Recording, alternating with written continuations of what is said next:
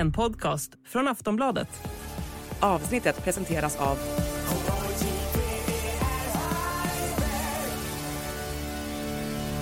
Stödlinjen.se, åldersgräns 18 år. Välkommen till Åsiktskorridoren, en podd från Aftonbladet Ledare. Idag pratar vi framförallt om partiernas valanalyser, men också lite om nämndemännen i snippadomen. Trevlig lyssning. En podcast från Aftonbladet Ledare. Åsiktskorridoren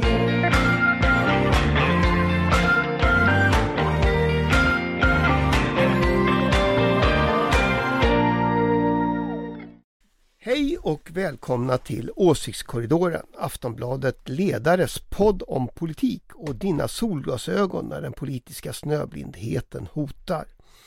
Eh, det har gått några veckor utan podd, eh, men nu är vi tillbaka lika laddade som alltid. För att bena ut vad som händer i politiken har jag som vanligt med mig en panel med några av landets mest erfarna och skarpaste politiska betraktare. Från den gröna och liberala tankesmedjan Fores, Ulrika Schenström, oberoende moderat som vi brukar säga. Så är det. Från Aftonbladets oberoende socialdemokratiska ledarsida, Susanna Kierkegaard. Hallå?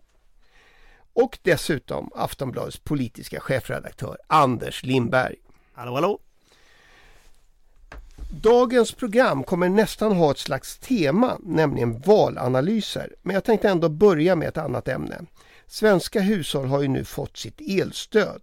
Bland annat har ett anonymt hushåll eh, kammat hem 773 669 kronor.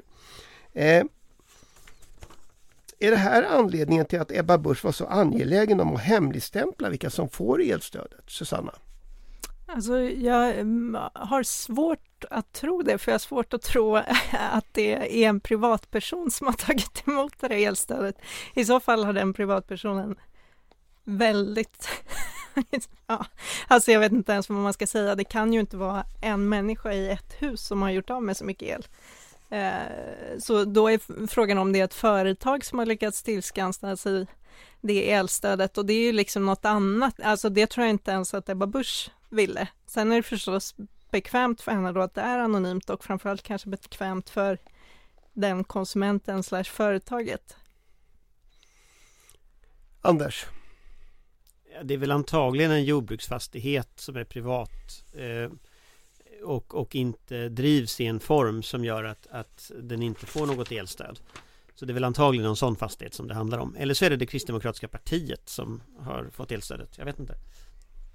Jaha, det, det var väl en ny vilken hypotes. Det är väl lite oklart hur det skulle gått till. Nej, jag skojar bara. Men alltså man har ju skjutit upp elstöd för, för andra aktörer till sen. Eh, så, så det är ju naturligtvis liksom en konsekvens av systemet som inte är avsedd. Så är det ju.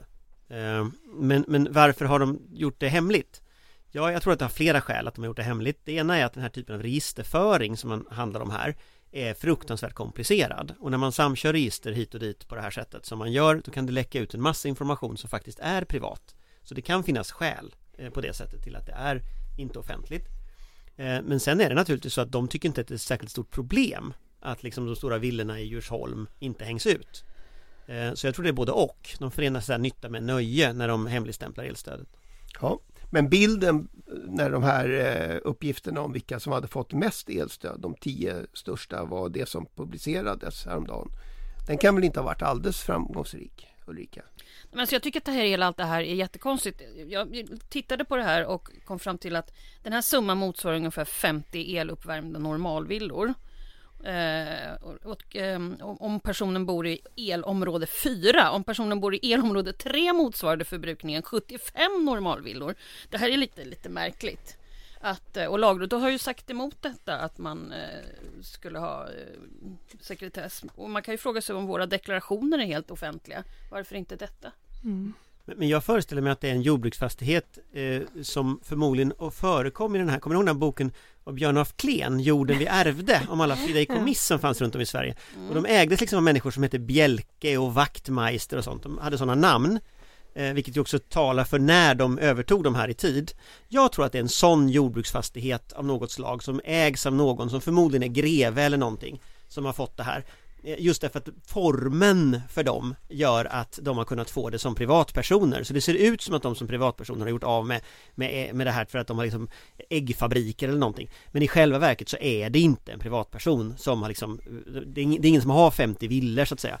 Och precis sånt här kunde man ju undvikit om man konstruerade det här elstödet bättre. Men elstödet är ett havsverk och det här är liksom bara senaste episoden i tema havsverk när det gäller elstödet Man kan ju säga att anonymiteten här ger ju i alla fall poddpanelen eh, panelen fritt spelrum att spekulera om eh, vilka som kan vara eh, Men Man kan ju också fråga sig hur många av de här ledande borgerliga politikerna som känner den här personen som har fått det här elstödet. Och man kan ju fundera på det här skånska lantadeln som sitter på sina slott och har banketter och hur Banketter. många av de här borgerliga Jakter. politikerna som har varit på de här jakterna och så och pratar på det här sättet. Så att jag anar eh, väldigt mycket Och- Eller också så är det Ebba själv som får de här pengarna. För Ja, men hon, är den enda, hon är den enda som inte har svarat. Eller jag tror att det var Expressen som hade en rundringning om hur mycket elstöd partiledarna har fått. Jag vet inte riktigt hur mycket den där Esbjörnhuset drar i el för. Exakt. Det Om det ens finns el i det huset. fast det såg ju, det såg ju faktiskt lite, det såg ju inte helt energieffektiviserat ut. Nej, sant. Det skulle ju kunna dra en del el alltså. kan det göra. Eh, vi får överlämna. Men meningen med det här stödet måste väl ha varit, det är ju rätt efterlängtat och lite försenat. Eh, och nu borde väl alla vara glada och nöjda. Eh, är väljarna det, Ulrika? Förlåt mig, vad sa du frågan? Ja, frågan var, är alla väljare glada och nöjda nu när de har fått elstöd? Ja, nej, men jag tror att många är glada, men det är ju väldigt många som har ringt. Jag, eh, konstaterar att Ring P1 eh, hade uppe frågan och det var rätt många som ringde in och inte ville ha det. Det är ju många som har skänkt bort också. Ja, Vart skänker de det då? Ja, det är väl lite olika vilka, jag tror partiledarna har väl skänkt bort det till olika behjärtansvärda saker. Ja, se där. Ukraina kanske? Mm. Ersätt, ersätter biståndsbudgeten. Kanske Ehm, ja, ja, praktiskt. här. Okej, eh, är vi klara med elstöd nu eller, eller liksom är det här, kommer den här följetongen att fortsätta? Anders? Jag tror de kommer att fortsätta. Eh, dels för att det kommer ju ett år till. Eh, med tanke på att det kommer nytt väder här som inte var så bra i i alla fall Mellansverige och det blev kallt igen. Så kommer väl säkert folk även den här månaden att få problem med elräkningarna. Eh, vi kommer att ha en vinter nästa vinter. Alltså det, det kommer liksom, man har etablerat idén nu om att staten ska bidra till el, eh, din elräkning. Så det är klart att den idén kommer att återkomma. Ja. Jag kommer att förvänta mig mycket elstöd eh, alltid från och med nu. Från och med nu? Ja. Jätteobstinat så här. Jo men det tror jag alla kommer att göra. Ja, du, du och alla på Fideikommi runt om i landet. Greve Wachtmeister någonting. på jakt snart i Skåne. Eh, så kan det vara. Eh, vi vill inte ha Anders på jakt i Skåne eh, utan vi går över till dagens huvudämne.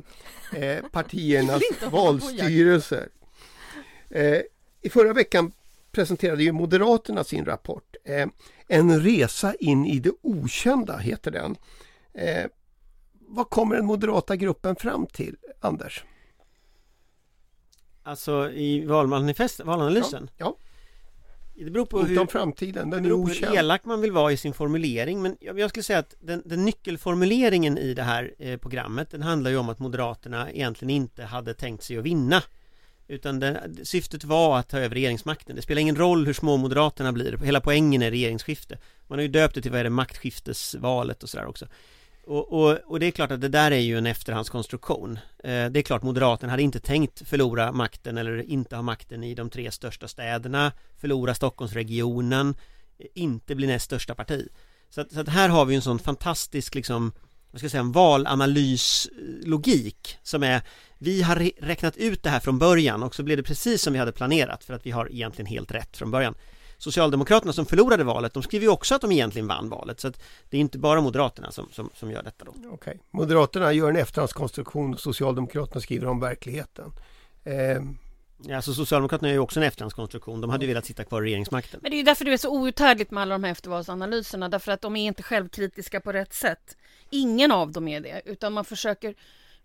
Alltså, för att det ska kunna bli rätt så måste man vara självkritisk och man måste våga säga som det är. och inte försöka rätta till det och lägga, tillrättalägga eh, att det var mycket bättre än det inte. Alltså jag, jag, tycker att Moderaternas analys är, eftersom Moderaterna är det parti som har haft bäst politik och utvecklat sin politik mest, men ändå går tillbaka, så kommer slutsatsen från Moderaterna, då är det nog inte policy som är viktigt. Och då tänker jag, men det är ju, då blir det ju policy ännu viktigare. Eh, det kan ju varit fel policy. Du tänker jag, så? Ja, så tänker jag. Ja. Moderaterna går ju ännu längre. De säger ju också att de, om de bara hade kommunicerat mer med hjärta så hade det här löst sig. Mm, det är ju lite populism. Och jag älskar den formuleringen att liksom Moderaterna har en stor liksom, de, de, allting är rätt. Alla utredningsavdelningar är rätt, alla utredningar, liksom deras hjärna är liksom perfekt. Men det är hjärtat det är fel på. Och det där tycker jag är fascinerande, för det där ligger väldigt nära den här klassiska partisekreterargrejen med att, att vi, Vår kommunikation vår kommunika har inte fungerat, Nej, då har man absolut ingen plan vi alls. Vi inte ut vår kommunikation liksom så. Och, och, och jag, jag kan tänka mig att är problemet med det här elstödet att det inte kommunicerades med hjärta? Är problemet med NATO-processen brist på hjärta? Jag skulle säga att jag ser ganska mycket andra brister i Moderaternas liksom Ja men i så fall hade de ju när de kom in, om de hade varit förberedda och gjort verkligen policy, då hade de ju haft någonting som de hade kunnat presentera nu. Och då pratar inte jag om ett nytt jobbskatteavdrag utan någonting annat som man kreativt har tagit fram. Eh, möjligen välfärdsreformer eller ja, någon annan, eh, socialförsäkringssystemet, ett nytt skattepaket. Mm. Det är ju självklart, hade man gjort den typen av arbete innan man kom in i regeringsställning så hade det varit väldigt enkelt att bara rulla ut det. Men nu gick man in i det okända. Nej, då var det tydligen inte så. Nu är det tydligen en, ja. Men jag tycker det här är också, det här, en resa in i det okända. Mm. Det finns också något fascinerande i detta att man, man springer runt, eller deras kompis eh, Ebba eh, Bush sprang runt med en falukorv och sa att den här var jättedyr, vi måste ha det... sänkta priser. Och nu så säger eh, ansvarig minister, vadå, vi kan inte bestämma priset på ost. Nej okej, men bestämma priset på falukorv gick tydligen helt utmärkt. Ja, men i det, där får man faktiskt ge KD någonting för en gångs skull här. Alltså KD har ändå skrivit i sin äh, rapport att det var kanske inte så bra att springa omkring med en falukorv utan att ha en riktig politik bakom falukorven. Mm. Och då är vi ju... Och det är ju ändå självkritiskt och, och liksom någonting att ta till sig. Ja. När det kommer till falukorv så, så finns det viss självkritik ändå i svensk politik då kanske. Jag tänkte nu är vi inne på det här. Nu har ju alla partier kommit med sina utvärderingar. Det enda jag i alla fall inte lyckas hitta är ju Sverigedemokraternas reflektioner och det kanske säger någonting det också, det vet jag inte. Eh, vi har ju tidigare dömt ut rapporterna som förutsägbara. Eh, men eftersom det precis har varit Melodifestival så tänkte jag eh, inte nödvändigtvis, jag vet att, att eh, det, man, det, är olika här, vi får se. Men eh, jag vill i alla fall fråga, vilket parti förtjänar en tolva? Vilket partis rapport är den bästa? Jag har varit så jätteduktig flicka så jag har till och med gjort det som jag blev, till, som jag blev uppdraget ja. att göra. Jag kan då visa här, mm. nu kan jag visa mitt papper här, jag har min 12 till 1. Ja. Och då min 12 går till SD. Ingen valanalys. Alla andra är så dåliga så att de får en 12 eftersom en ingen valanalys är också en val.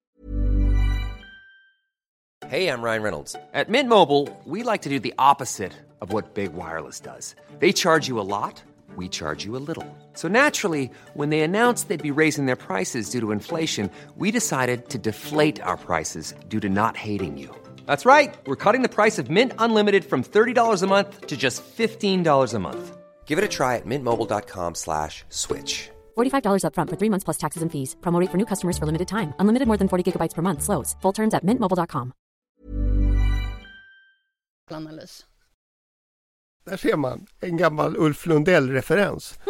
eh, Anders, vilken får din tolva? Min tolva går faktiskt till Centerpartiet som, eh, som då, eh, jag tänkte inte på idén att ge SD så att jag kom inte på den. Så min tolv... visst, visst var jag smartare än du nu. Det var faktiskt smartare än jag faktiskt där. Men min tolva går till Centerpartiet för de har faktiskt gjort en riktig valanalys. Och de kommer också fram till att deras valstrategi var fel. Vilket jag tycker, eh, sen kommer de fram till att de pratar för mycket om SD och jag tycker att de kanske har fel i sin analys Men det faktum att de kommer fram till att de hade fel Tycker jag tyder på att då har de i alla fall någon idé om att göra något annat istället. Eh, Och det är väl det jag kanske saknar mest hos de tunga, stora partiernas valanalyser att, att det finns hela tiden det här vi vann egentligen eh, Som en underton i dem, det gör det inte i Centerns på det sättet. Eh, Sen tycker de ju att de har rätt värderingar Men det är ändå ganska uppenbart att de har insett att det där den, det funkade inte den kampanjen. Så det tycker jag, det är möjligt. Ja, men, Men och, det, jag kan kanske hålla med Ulrika Ja. där, men jag, jag, jag hade inte förberett mig så, så jag får ge mig lite på den. ja, Nej, ja, men en del är duktiga flickor, en det är del är slarviga pojkar. Ja. så kan det vara. Eh, det kanske underlättar att vara självkritisk om man byter partiledare också. Samt om man förlorar så in i vassen. Susanna, din tolva. Eh, jag tyckte också att Centerpartiets var uppfriskande dyster. Eh, de andra är liksom för glada, men jag tyckte i och för sig också att Vänsterpartiets var bra på det sättet att den avslöjade väldigt mycket om partiet eh, och kanske framförallt partitoppen. Alltså de andra, de andra valanalyserna är ju ganska lika. Det är nästan så att man glömmer bort vilken av dem det är man läser. Eh, Medan i Vänsterpartiets parti valanalys så står det, och jag citerar, Vidare måste det bli ett ökat tryck på enskilda medlemmar att inte underminera demokratiskt fattade beslut. Ja, Ja, det är någon som har gjort bort Det- sig där totalt. Ja, och Mm, det, vi vet ju vem. Ja, och Mm. det är lite roligt där med att det måste bli ett ökat tryck på medlemmarna att inte underminera de här jättedemokratiska besluten. Mm. Det är liksom en slags demokrati och en annan slags demokrati. Ja, Ulrika. Nej men min tia då, det är ju Centern då, för att den var ju faktiskt självkritisk. Mm. Och jag tycker också att de pratade alldeles för mycket om SD. Ska man vinna val så måste man förhålla sig till sig själv och samhällsproblemen och inte andra partier eller andra politiker internt i partierna heller. Eller regeringen för den delen, utan man måste gå tillbaka till sig själv och fundera på vad är det för samhällsproblem jag vill lösa och hur vill jag lösa dem? Och när jag kommit på hur jag vill lösa dem, då kan man börja fundera på vem man vill lösa det med. Ja, Hur länge har, många gånger har jag sagt det nu? Ja, det är osäkert. Vi har tappat räkningen. Men eh, om vi, om vi, eh, och var sätter du Vänsterpartiet då? Vänstern får tvåa. En Jaha. tvåa. För att jag tycker att man, är, man hänger upp alltihopa på den här stackars klimatpolitiska talespersonen Jens Holm. Han verkar vara liksom den som får bära hela hundhuvudet. Och ett parti är faktiskt väldigt mycket mer än bara en klimatpolitisk stackars talesperson.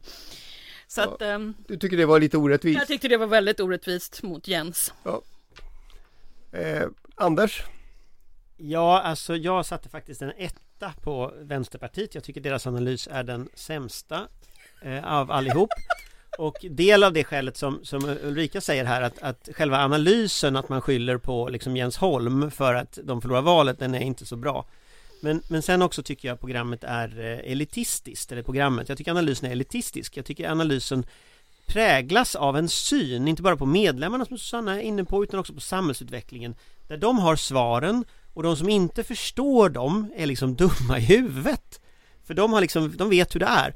Och för mig så är det här en typ av väldigt gammalt vänsterparti som jag känner igen från när jag var liten. Alltså det är liksom Vänsterpartiet innan Jonas Sjöstedt, för Jonas Sjöstedt öppnade ändå för fler analyser i det här partiet. Men här går man tillbaka till liksom en slags demokratisk centralism eh, där liksom partiledningen bestämmer både vad som är demokratiskt, vad, vad olika personer får säga och sen så när det går åt skogen då för Vänsterpartiet gick ju ner rejält i valet ja då är det medlemmarnas fel. Ja men då tänker jag, då kanske partiledningen ska välja nya medlemmar då i så fall. Eh, Jag har svårt att se varken Lars Werner eller Gudrun Schyman riktigt eh, fylla upp den där rollen. Men för all del. jag tänkte ju, jag är ju tillbaka hos Lars Werner, jag är ju tillbaka i, i liksom det riktigt gamla Vänsterpartiet. Ja, eh, Susanna, vilka får en etta av dig? eh, ja men jag, det känns som att vi har lite olika kriterier när jag säger att Vänsterpartiets var bäst. Och nu tänkte jag säga att Sverigedemokraternas var sämst, dels för att den inte existerar, men också för att jag gärna hade velat läsa den, för att det känns som man är så nyfiken på hur Sverigedemokraterna ser på sig själva. Alltså men lite ju apropå, ja men jag tycker ändå det, det hade varit intressant, alltså det är trist att det finns en så eh, liksom noll kultur av, eh, alltså det finns liksom ingen organisation, allt är ju bara supertoppstyrt apropå Vänsterpartiet också, att de har något gemensamt där. Men jag hade velat läsa den och därför blir det en nolla i betyg. På grund av bristande jag- leverans? Ja, för att jag är så besviken. Jaha. Ja, min åtta då kanske du vill Ja, veta? den vill jag veta. Min åtta, det är KD. De Ja. har varit helt öppna med att det saknats politik bakom falukorven. Ja. Och jag som fick stå i Aktuellt och prata om den här förbannade, förlåt, får man inte säga, men falukorven, eh, sa just det att man kanske inte ska springa runt med falukorvar på Sveriges Radio om man inte vet exakt hur man ska fixa det samhällsproblemet som hon försökte identifiera med falukorven. Så där, de, det blir ändå ganska bra betyg. Ja, nej, men de var ändå lite relevanta. Har du fått berätta alla poäng? Nej, Vilka- här har man ju vilka- suttit och vilka- jobbat. Ja, ja, men kom igen. Okej, sex poäng. S. Man erkänner att man behöver mer politik än Magdalena Andersson. Mm, det var i alla fall ganska så bra. Du tänker sossarna Lite. då? Ja, mm, ser. Mm. Eh, fyra. MP. Öppna med misslyckandet att man lät klimatfrågan kidnappas av kärnkraft. Ja, Trea. L. Borde vara större reformfokus. Äntligen någon som tycker det. Och sen är det så tragiskt för mig att jag måste ge en etta till en resa in i det okända. alltså, Därför att hur kan man Alltså om man inte tror, man har backat trots att man tycker att man har gjort en massa reform och policyutveckling.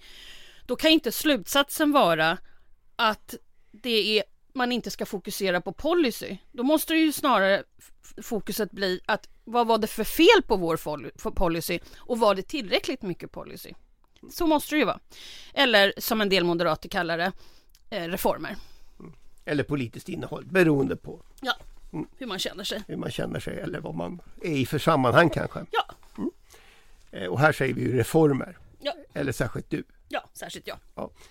Eh, ha, några andra synpunkter på Ja, alltså jag, dagens hade tema? nog, jag hade nog lagt eh, S och M ganska lika skulle jag säga. Ja. Jag tycker båda är ganska välskrivna. Eh, Ja, det kan jag hålla med om. och, och Välskrivna de, kan jag de är liksom ordentliga, ordentliga jobb som är gjorda kring, kring båda analyserna. Man lär sig ganska mycket om samhället när man läser dem. Mm. Jag kan göra mig rolig över att Moderaterna tycker att liksom de har en stor hjärna och ett litet hjärta och att det är problemet. Men, men, men någonstans så, så är trots allt analysen, det är, en, det är en konsekvent analys. De har en verklighetsbild som är lite konstig och en självbild som är konstig. Det som jag tycker gör dem parallellt med Socialdemokraterna det är att det här är två maktpartier. De tittar ganska pragmatiskt på verkligheten. Om man, vad som har fungerat, vad som inte har fungerat. Eh, Socialdemokraternas grundanalys egentligen det är ju att det faktiskt gick ganska bra i valet. Eh, man lyckades ganska väl, man ökade eh, men däremot så kidnappades ju valrörelsen av frågor utanför ens kontroll. Och, och, och lite kan man säga att om Moderaterna kidnappade valrörelsen och är ganska nöjda med det så är Socialdemokraterna ganska irriterade över att Moderaterna kidnappar valrörelsen. Samtidigt är Moderaterna har ingen analys egentligen om varför de minskar som parti mer än att det är, är självklart så att det var så de hade tänkt från början vilket naturligtvis inte är sant. Medan Socialdemokraterna egentligen inte har någon vidare analys om varför de har ökat heller. Magda drog upp partiet, okej. Men det är inte mycket till analys att partiordföranden är populärare än partiet.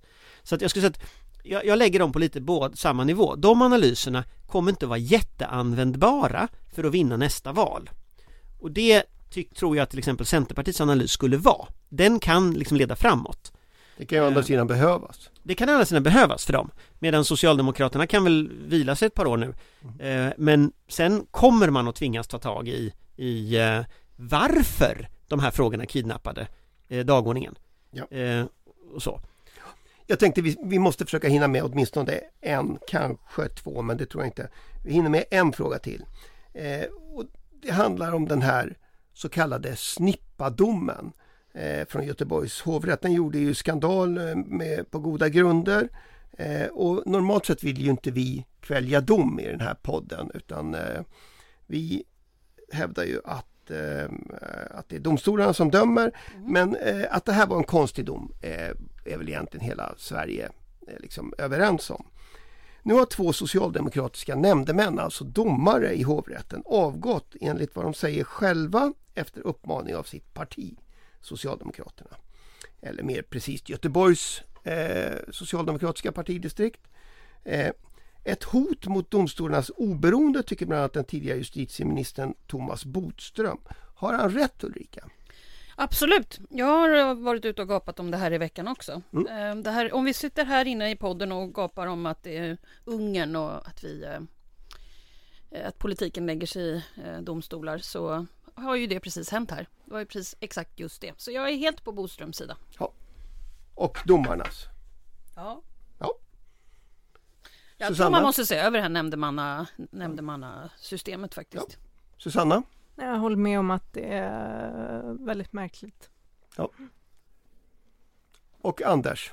Göteborgare och Ja, Och och, och, tidigare nämndeman faktiskt. Och tidigare eh, nämndeman. För, för 30 år sedan snart. eh, utsedda av Göteborgs partidistrikt, vilket är lite roligt i sammanhanget med tanke på att det är de som har utsett dem där också. Eh, även om jag inte kommer ihåg jättemycket av det uppdraget just. Eh, men jag hade det i alla fall då, för det är snart 30 år sedan. Du blev inte avsatt? Jag blev inte avsatt, eh, men jag läste juristlinjen, så när jag hade läst ett tag så blev det liksom, tyckte jag själv att det krockade lite med att bli allt mer jurist och vara lekmannadomare. Men däremot så tänker jag så här att, att om det är, om bilden stämmer att man har uppmanat dem att avgå därför att de har dömt fel, det är klart att då är det inte bra. Och vi såg ju samma sak med Centerpartiet i samband med den här domen i, i Solna, om ni kommer ihåg den, där, där eh, man dömde på ett, ett väldigt kvinnofientligt sätt. Eh, och där uteslöt väl sedermera Centerpartiet de nämndemännen som hade eh, dömt också. Så, att, så att det är ju fler gånger som det här har skett, den här typen av övertramp. Eh, jag vill ändå försvara nämndemannasystemet, även om sådana här övertramp sker.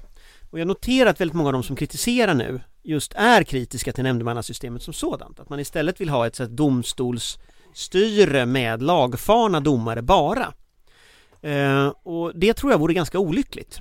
Eh, så att, så att eh, jag skulle väl hellre se fortsatt folkligt deltagande i, i domstolar, alltså fortsatt med nämndeman som, som är den svenska traditionen sedan urminnes tid.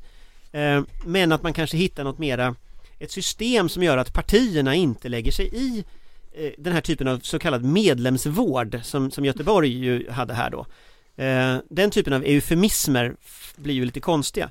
Så jag skulle hellre se att när väl partierna har utsett nämndemän då är det upp till nämndemannaföreningen, alltså föreningen av nämndemän, att hantera alla sådana här saker, att hantera uppdrag, hantera utbildningar, också hantera kontakter med de här personerna och att partierna så att säga inte har kontakter på det sätt som man har haft nu överhuvudtaget.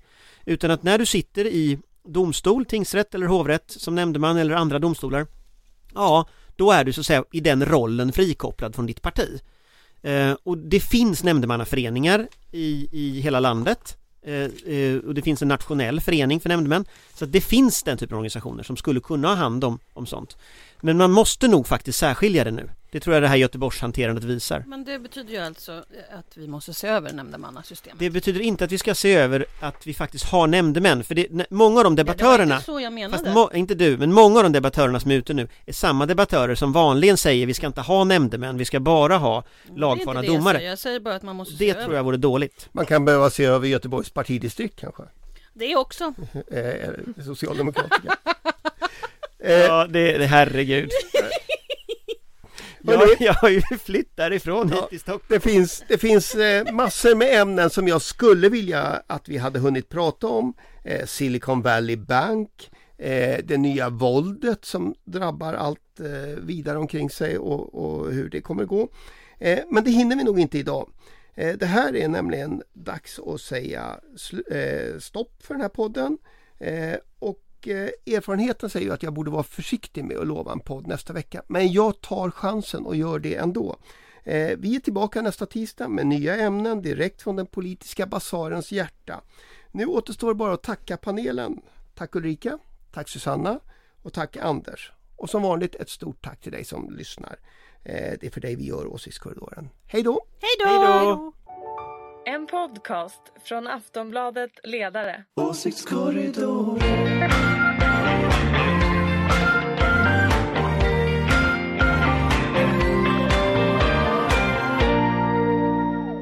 Du har lyssnat på en podcast från Aftonbladet. Ansvarig utgivare är Lena K Samuelsson